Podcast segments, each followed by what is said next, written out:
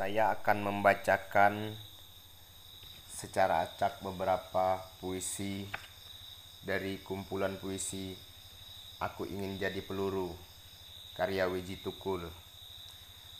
Buku ini diterbitkan oleh Indonesia Tera Magelang tahun 2004. Pengantarnya ditulis oleh Munir SH. Jadi eh, seniman Wiji Tukul ini termasuk salah satu aktivis yang hilang pada masa reformasi 1998 dan ironisnya penulis pengantar Munir SH pada tahun 2000-an menjadi korban pembunuhan yang syarat dengan konspirasi. Saya memperoleh buku ini dari seorang sahabat yang kini juga sudah meninggal. Sahabat yang sangat idealis dan sangat mencintai seni. Baiklah saya akan bacakan puisi pertama berjudul Gunung Batu. Gunung Batu desa yang melahirkan laki-laki kuli-kuli perkebunan seharian memikul kerja setiap pagi makin bungkuk dijaga mandor dan traktor. 800 gaji sehari. Di rumah ditunggu mulut perut anak istri. Gunung Batu.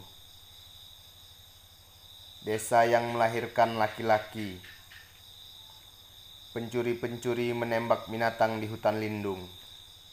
Mengambil telur penyu di pantai terlarang demi piring nasi kehidupan sehari-hari. Gunung Batu. Desa terpencil di Jawa Barat, dipagari hutan, dipat, dibatasi pantai-pantai cantik, ujung genteng, Cibuaya, Pangumbahan, sulit transportasi, Jakarta dekat, sulit komunikasi. Sejarah Gunung Batu, sejarah Kuli Kali. Sejak kolonial sampai Republik Merdeka, sejarah Gunung Batu, sejarah Kuli Kali. Gunung Batu masih di tanah air ini. November 87. Puisi berikutnya berjudul Suti. Suti tidak pergi kerja Pucat ia duduk dekat ambennya. Suti di rumah saja, tidak ke pabrik, tidak ke pabrik, tidak ke mana-mana. Suti tidak ke rumah sakit, batuknya memburu, dahaknya berdarah, tak ada biaya. Suti kusut masai, di benaknya menggelegar suara mesin, kuyu matanya membayangkan buruh-buruh yang berangkat pagi pulang petang, hidup pas-pasan, gaji kurang, dicekik kebutuhan. Suti meraba wajahnya sendiri, tubuhnya makin susut saja. Makin kurus menonjol tulang pipinya, loyo tenaganya, bertahun-tahun dihisap kerja. Suti batuk-batuk lagi. Ia ingat kawannya, Sri yang mati karena rusak paru-parunya. Suti meludah dan lagi-lagi darah.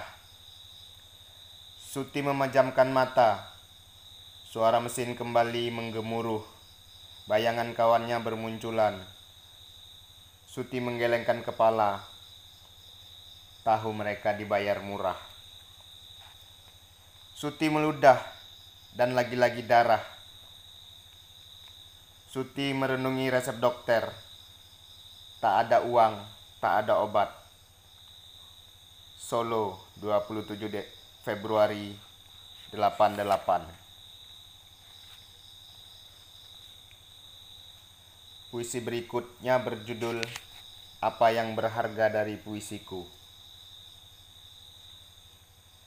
Apa yang berharga dari puisiku kalau adikku tak berangkat sekolah karena belum membayar SPP? Apa yang berharga dari puisiku kalau becak bapakku tiba-tiba rusak, jika nasi harus dibeli dengan uang, jika kami harus makan, dan jika yang dimakan tidak ada. Apa yang berharga dari puisiku? Kalau bapak bertengkar dengan ibu, ibu menyalahkan bapak, padahal becak-becak terdesak oleh biskota. Kalau biskota lebih murah, siapa yang salah? Apa yang berharga dari puisiku? Kalau ibu dijirit utang, kalau tetangga dijirit utang, apa yang berharga dari puisiku? Kalau kami terdesak mendirikan rumah di tanah-tanah pinggir selokan, sementara harga tanah semakin mahal, kami tak mampu membeli.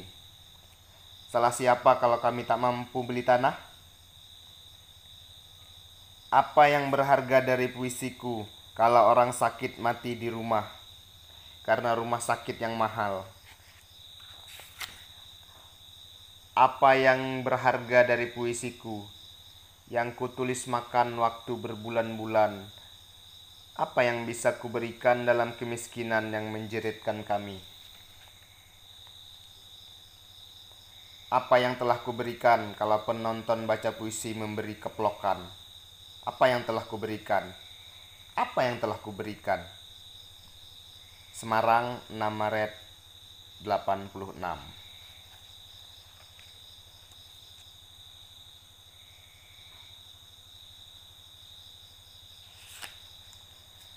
Puisi berikutnya berjudul Kampung.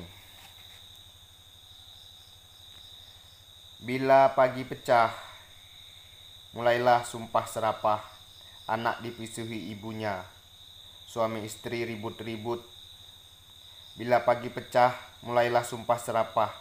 Kiri kanan ribut, anak-anak menangis, suami istri bertengkar, silih berganti dengan radio. Orang-orang bergegas rebutan sumur umum. Lalu gadis-gadis umur belasan keluar kampung menuju pabrik, pulang petang bermata kusut keletihan menjalani hidup tanpa pilihan. Dan anak-anak terus lahir berdesakan, tak mengerti rumahnya di pinggir selokan, bermain di muka genangan sampah, di belakang tembok-tembok, di belakang tembok-tembok menyumpal gang-gang. Berputar dalam bayang-bayang, mencari tanah lapang. Solo, Sorogenen, Juli 1988